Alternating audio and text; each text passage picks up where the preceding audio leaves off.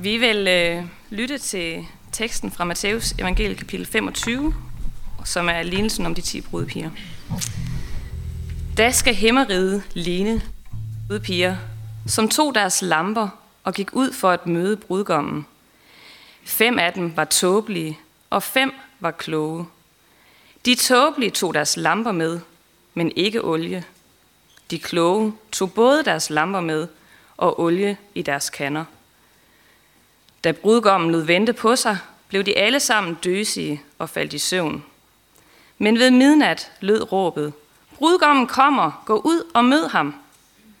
Da vågnede alle pigerne og gjorde deres lamper i stand. Og de tåbelige sagde til de kloge, Giv os noget af jeres olie, for vores lamper går ud. Men de kloge svarede, Nej, der er ikke olie nok til både os og jer. Gå hellere hen til købmanden og køb selv. Men da de var gået hen for at købe, kom brudgommen, og de, der var rede, gik med ham ind i bryllupssalen, og døren blev lukket. Siden kom også de andre piger og sagde, Herre, herre, luk os ind. Men han svarede, Sandelig siger jeg jer, jeg kender jer ikke. Våg derfor, for I kender hverken dagen eller timen. Og vi skal lytte til øh, en tekst fra Gamle Testamente, taget fra profeten Esajas kapitel 11. Men der skyder en kvist fra Isais stup. Et skud gror frem fra hans rod. Over ham hviler Herrens ånd, visdoms- og indsigtsånd, råds- og styrkesånd, kundskabs- og gudfrygtsånd. Han lever og ånder i frygt for Herren. Han dømmer ikke efter, hvad, han, hvad hans øjne ser. Fælder ikke dom efter, hvad hans ører hører.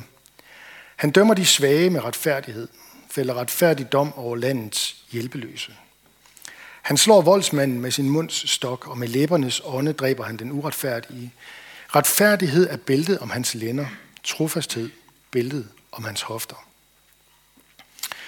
Ulven skal bo sammen med lammet, panteren ligge sammen med kidet, kalv og ungløve græsser sammen, en lille dreng vogter dem. Konen og bjørnen bliver venner, deres unger ligger sammen, og løven æder strå som oksen. Spædbarnet leger ved slangens hule. Det lille barn stikker sin hånd ind i hugormens hul. Ingen volder ondt eller ødelæggelse på hele mit hellige bjerg, for landet er fyldt med kundskab om Herren, som vandet dækker havets bund. På den dag skal Isais rodskud stå som et banner for folkeslagene. Til ham skal folkene søge, og hans bolig skal være herlighed. Jesus, vi takker dig for dit ord til os i dag. Tak fordi vi har fået lov til at møde dig. Og nu beder vi om, at du vil træde frem for os som det sande lys. Amen. Profeten Esajas, han profeterede 700 år, godt og vel 700 år før Jesus blev født. Og Gud gav blandt andet Esajas den her stærke profeti, som vi netop har hørt, om en frelser, en salvet, en messias, som en dag skulle komme og være en og gøre noget helt afgørende i verdenshistorien. Det er talt 700 år før Jesus kom. Han talte også om øh, i et andet kapitel i Isaias, at øh, en dag så skulle jomfruen blive med barn og føde en søn, og han skulle få navnet Immanuel. Det betyder Gud med os. Det er derfor, vi øh, i adventstiden ofte synger den her O kom, O kom, Immanuel. Den er skrevet direkte over Isaias' profetier. Og apropos noget, der er skrevet direkte over Isaias' profetier, så var jeg for jeg, vil faktisk huske, men jeg tror, det var før coronaen i hvert fald. Der var jeg over i øh, København og høre øh, live-opførelse af Hendels Messias. Det har jeg aldrig prøvet før. Men den hører jo lidt til i, øh, i øh, juletiden for mange. Selvom det faktisk er skrevet over, så vidt jeg har forstået, egentlig en på, over noget påske noget. Eller sådan. Men, men Hendels Messias, øh, den var vi over at høre derovre øh, med familien. Og vi fik et tekstark, og øh, jeg sad og fulgte med i teksterne. Og så gik det op for mig, det var egentlig helt vildt, hvor meget den her berømte jule, øh, det her julestykke her, det består næsten udelukkende af, af, af, af, af tekster fra profeten Isaias. Det er propfyldt med det. Esajas, som midt i en mørk tid i Israels øh, historie, fik en række budskaber, som skulle skabe grobund for en længsel og et håb og en forventning til Gud om, at han ville sende en særlig frelser, en salvet, en messias, en forløser. Et andet sted skriver Esajas om den her frelser. Han blev gennemboret for vores overtrædelser, knust for vores sønder. Kapitel 53.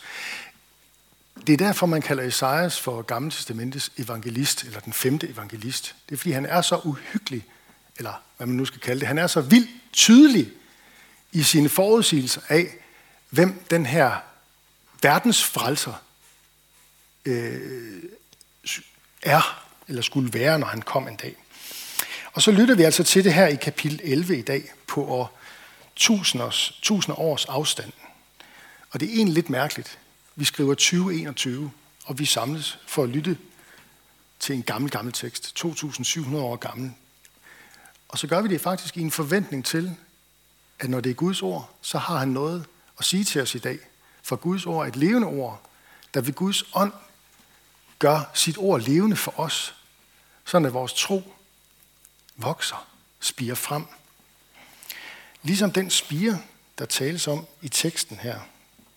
Troen, der vokser, der spiger frem, handler netop om den spire, der tales om i teksten her. Den her kvist. Det er lidt mærkeligt, det her med, at øh, altså hans profeti om det her fredsrige, der skal komme, det starter med, at der skyder en kvist, står der, af en stup. Du skal forestille dig en skov, der er simpelthen bare blevet fældet. Det er ikke bare motorsave, det er den helt store maskine, der bare er kørt igennem, og så er der kun stubbe tilbage. Og sådan har det stået længe, øde tomt, gået ud, dødt for liv. Og så lige pludselig så er der en af de stubbe, hvor der kommer en kvist, der skyder op. Der er stadigvæk liv i den. Det er det, er det billede, vi møder her.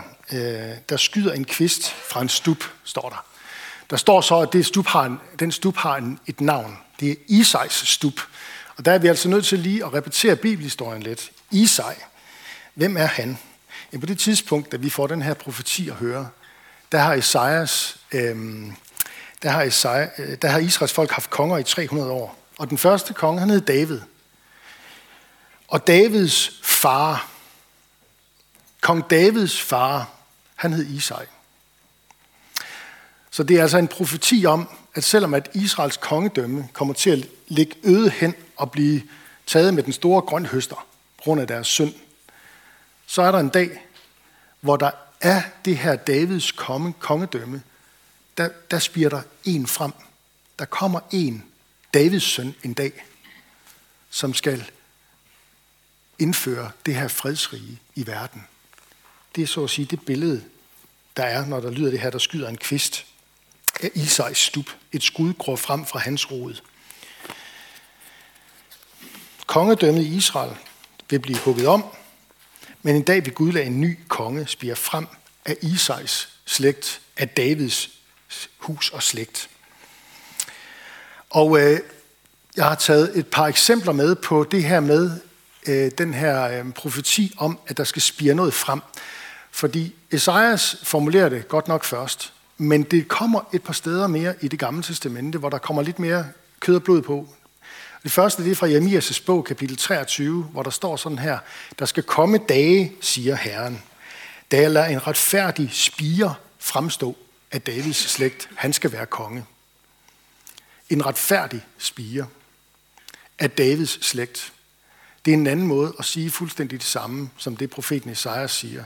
Der skyder en kvist af Isais stup af kongeslægten.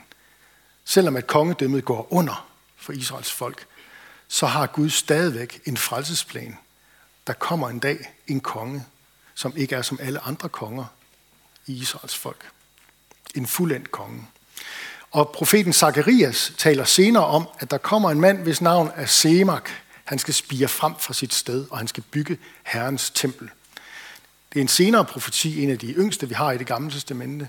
Men det her med en mand, hvis navn er Semak, det, det betyder egentlig bare, nu har de lavet det stå, det hebraiske navn, men hvis vi skulle oversætte det direkte til dansk, så står der, hvis navn er Spire, altså med stort S. Der kommer en dag en mand, hvis navn er Spiren.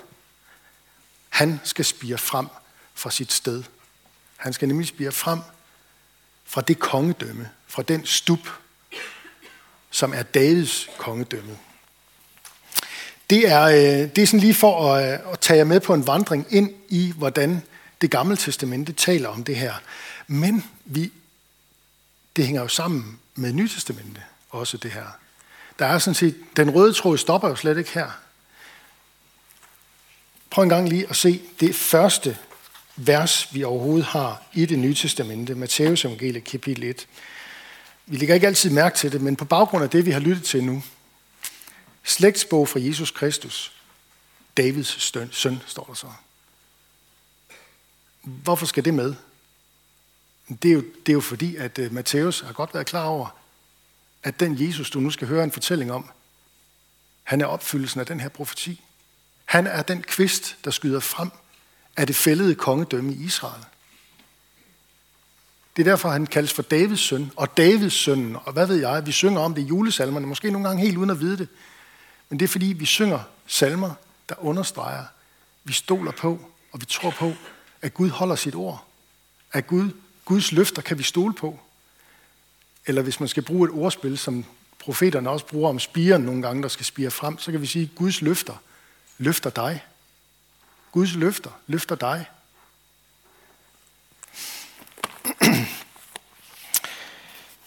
nu er han her. Når, når der står slægtsbog, når Nytestamentet indledes med slægtsbog for Jesus Kristus, Davids søn, Abrahams søn, så betyder det, at nu er han her, ham som profeterne har skudt frem imod. De så frem imod ham uden at kende hans navn, uden at kende detaljerne om hans fødsel og alt det der. Men det billede, vi har i brudstykker i Gamle Testamentet, det bliver samlet nu til et mere tydeligt billede af, hvem er den her verdens frelser. Nu er Messias kongen, nu er kongen af Davids slægt spiret frem. Han hedder Jesus, og han skal frelse verden og sejre over synden og døden ved selv at give sit liv, ved selv at gå ind i døden i vores sted. For at et hver, en hver, som tror på ham, ikke skal fortabes, men finde fred og have evigt liv. Det er derfor, den her tekst ofte hører til her i adventstiden, for den minder os om nogle aspekter ved Jesu komme. Minder os om glæden over hans første komme, at han spirede frem dengang han blev plantet som et frø i Marias mave. Og så spirede han frem, voksede op, og så blev han kongen, der blev kronet med tårne for din skyld. Så langt, så godt. Det er nemlig et glædeligt budskab. Men der er mere i evangeliet end det. For han kommer igen for at give dig del i det evige liv. Dig, som nu her hører hans ord og tager imod ham. Det er sådan, det nye testamente starter med at tale om Jesus som Davids søn. Men vi er faktisk ikke færdige endnu. Vi er stadigvæk ved at forstå den her profeti om Jesus. Og øh, i det sidste kapitel i Nye Testamente, Johannes' åbenbaring, kapitel 22, der siger Jesus, ja, jeg kommer snart, og med mig er min løn. Og han siger, jeg er den første og den sidste, begyndelsen og enden. Og han fortsætter med at sige, jeg, Jesus, er Davids rådskud. Sådan siger Jesus selv. Johannes åbenbaring er jo netop ikke bare nogle ord, øh, Johannes har fået, men det er faktisk ord, langt hen ad vejen ord, Jesus taler, som Johannes hører og videregiver. Så det er de sidste ord, vi har fra Jesus det er det her, jeg kommer snart, og jeg er Davids rådskud. Hvorfor skal han understrege det? Det skal han for at sige til sin menighed. I kan stole på Guds ord. I kan stole på Guds løfter. I kan stole på mig. Glædelig advent. Så kunne vi sige ammen. Men jeg har lige et par ting mere, ikke også? Jeg kan godt lige være med. Ja, lige et par ting mere. Adventstiden, den er tænkt på den måde som en en ventetid og en længselstid. En tid, hvor vores tro den kan modnes af det ejendomlige, der hedder tålmodighed. Men vores tro kan faktisk modnes, når vi møder tålmodighed. Eller når vi udfordres af Gud til at, til at have tålmodighed. Der er noget, Gud har lovet, som han ikke har sat igennem endnu i verden fuldt ud. Gud har krævet tålmodighed og overvågenhed af os, mens vi venter på den store advent. Det store sidste komme, den store endelige fest i Guds rige.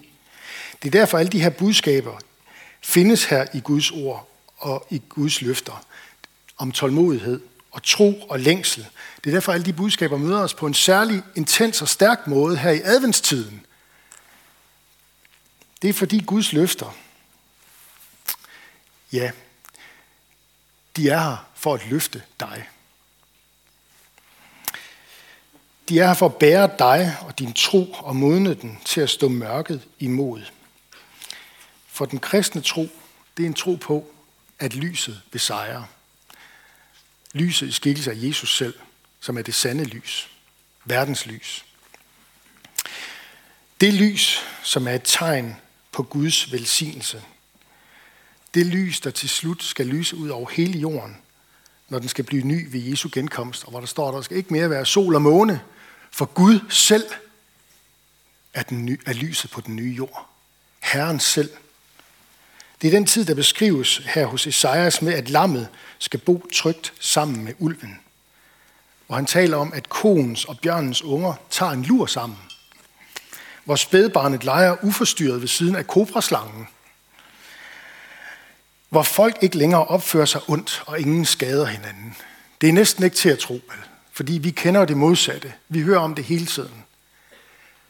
Men i adventstiden, der har vi som kristne brug for at minde hinanden om, og vi bliver mindet om af Guds ord, at det er sådan Gud ønsker, at det kommer til at ende. Og når Gud ønsker det og har givet løfter om det, så bliver det også sådan en dag.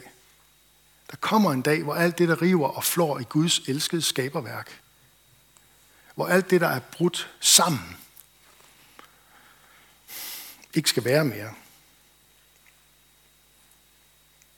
Det skal genoprettes, og ondskaben og uretfærdigheden skal forsvinde.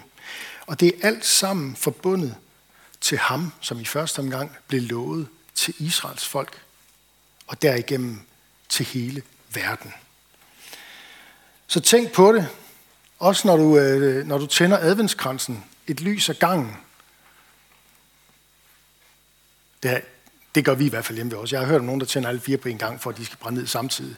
Men jeg synes, der er en pointe i, at man tænder en af gangen, fordi vi går hen imod vintersolværv den 21. som årets korteste dag. Men i kirken, når vi tænder adventskransen, så tænder vi mere og mere lys i protest imod, at fordi, eller fordi vi ved, at Guds løfter siger, det er ikke mørke, der får det sidste ord. Så selvom det bliver mørkere og mørkere udenfor, så er adventskransen på en måde en reminder, en påmindelse om, at de løfter, vi hører i adventstiden her i kirken, givet af Gud, det er løfter om lys. Guds lys, der løfter op i den, lyser op i denne verdens mørke. Og som udfordrer os til tålmodighed. Den her tålmodighed og overvågenhed, som også er pointen i den lignelse om de ti brudepiger, som vi ikke hører om i dag, men som børnekirken er inde og hører om. Så kan I jo høre dem ad, hvad de har. Altså det her med de fem, de fem med olie. De fem med olie på lampen, det er jo dem, der stoler på Guds løfter. Han har jo sagt, at han vil komme og holde bryllupsfest. Så det er dem, der stoler på, hvad Gud har lovet. At det Gud har lovet, vil han også føre ud i livet. Tak og ære være Gud, som har ført sit løfte ud. Det er derfor, vi synger sådan i adventstiden. Så bed til Gud om, at når den tid kommer, så må du blive fundet med olie på lampen. Med tillid til Guds løfter. Det er i virkeligheden faktisk ikke så svært. Det handler om at tage Gud på ordet og vælge at stole på hans løfter. Så adventstiden, det er den her mærkelige kombination af både en glæde over noget, der er sket, og så en længsel, fordi der er noget, der ikke er fuldendt endnu. Glæden over, at Gud med sin søn har bragt håb ind i vores verden. Glæden over barnet i krybben, der vokser op og giver sit liv. Løfterne, der er begyndt at blive opfyldt. Men samtidig så også en længsel efter det der med løven og lammet. At løsningen på alle denne her verdens dårligdomme er lige rundt om hjørnet, så sandt som Jesus selv er rundt om hjørnet. Der er håb forude. Jesu genkomst er verdens håb. Adventstiden, det er lysets tid, længselens tid og forventningens tid. Guds frelsesplan, som den er blevet beskrevet i Bibelen, den handler om, at han vil redde os ud af mørket og ind i sit underfulde lys. Hive os ud af forbandelsen og skænker os sin velsignelse. Og det begynder med os i dåben. Det rækkes os igen og igen i troens vandring, hvor Guds ånd, Guds ord og Guds lys spiller ind i vores hjerter og i vores liv. Hvad var det Gud han sagde på den første dag, da han skabte himlen og jorden? Han sagde, der skal være lys. Så gik der fire dage, og så skabte han først månen. Altså det der, som Rasmus talte om. Det lys, vi normalt forbinder med. Og månen og solen blev først skabt på fjerde dagen. Men der er et andet lys, der allerede er til stede i verden. På den første dag, da Gud siger, at der skal være lys. Det er ikke solen og månen. Det kommer først på fjerde dagen. Det er Guds lys. Det lys, som i virkeligheden er forudsætning for alt liv. Det lys, som Jesus omtaler, når han taler om sig selv. Jeg er verdens lys. Lyset, der skinner i mørket, og mørket får ikke bugt med det. Lad os bede sammen.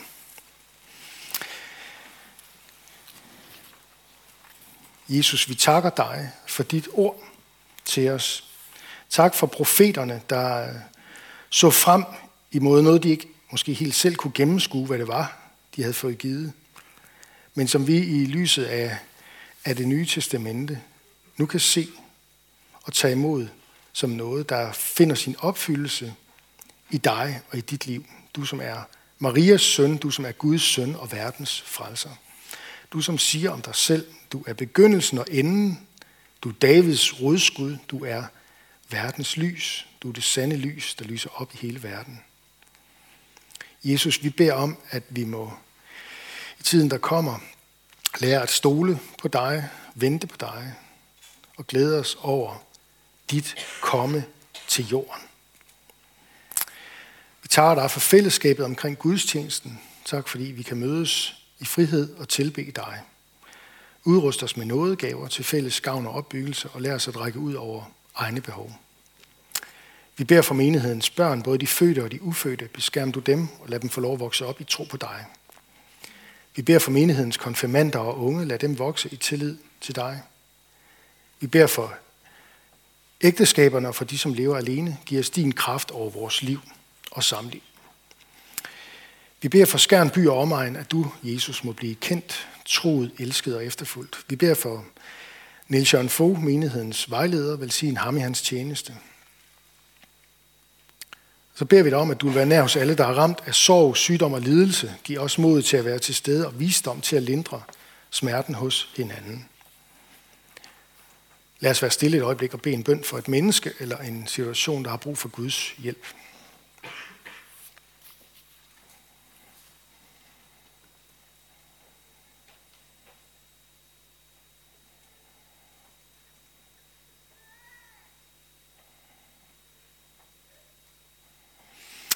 beder for Karoline Siersbæk, som har været afsted nu i nogle måneder i Tanzania. Øh, tak fordi du har velsignet bevaret hende og givet hende en sidste, god sidste tid der. Og lad os få hende hjem i øh, trygt hjem igen. Vi beder for din kirke ud over jorden, særligt for dem, der lever i, i, i verdens brandpunkter og forfølges for dit navns skyld. Giv dem frimodighed og ny kraft ved din ord, ved dit ord og din ånd. Vi beder om, at øh, evangeliets lys må skinne blandt denne verdens muslimer, så de omvender sig og lærer dig at kende som den eneste sande Gud. Vi beder også om, at den tid snart må komme, hvor de jødiske folk må se dig som Messias, må se, at der er talt om dig i det gamle testamente, og omvende sig i glæde. Vi beder om, at de gode nyheder om dig, Jesus, er der må få fremgang i Danmark. Vend vores hjerter og vort folks hjerte til dig. Vi beder for alle, der er blevet betroet magt og autoritet. Hjælp dem og os til at værne hinanden imod uret og vold. Og kom så snart og gør alting nyt. I Jesu navn. Amen.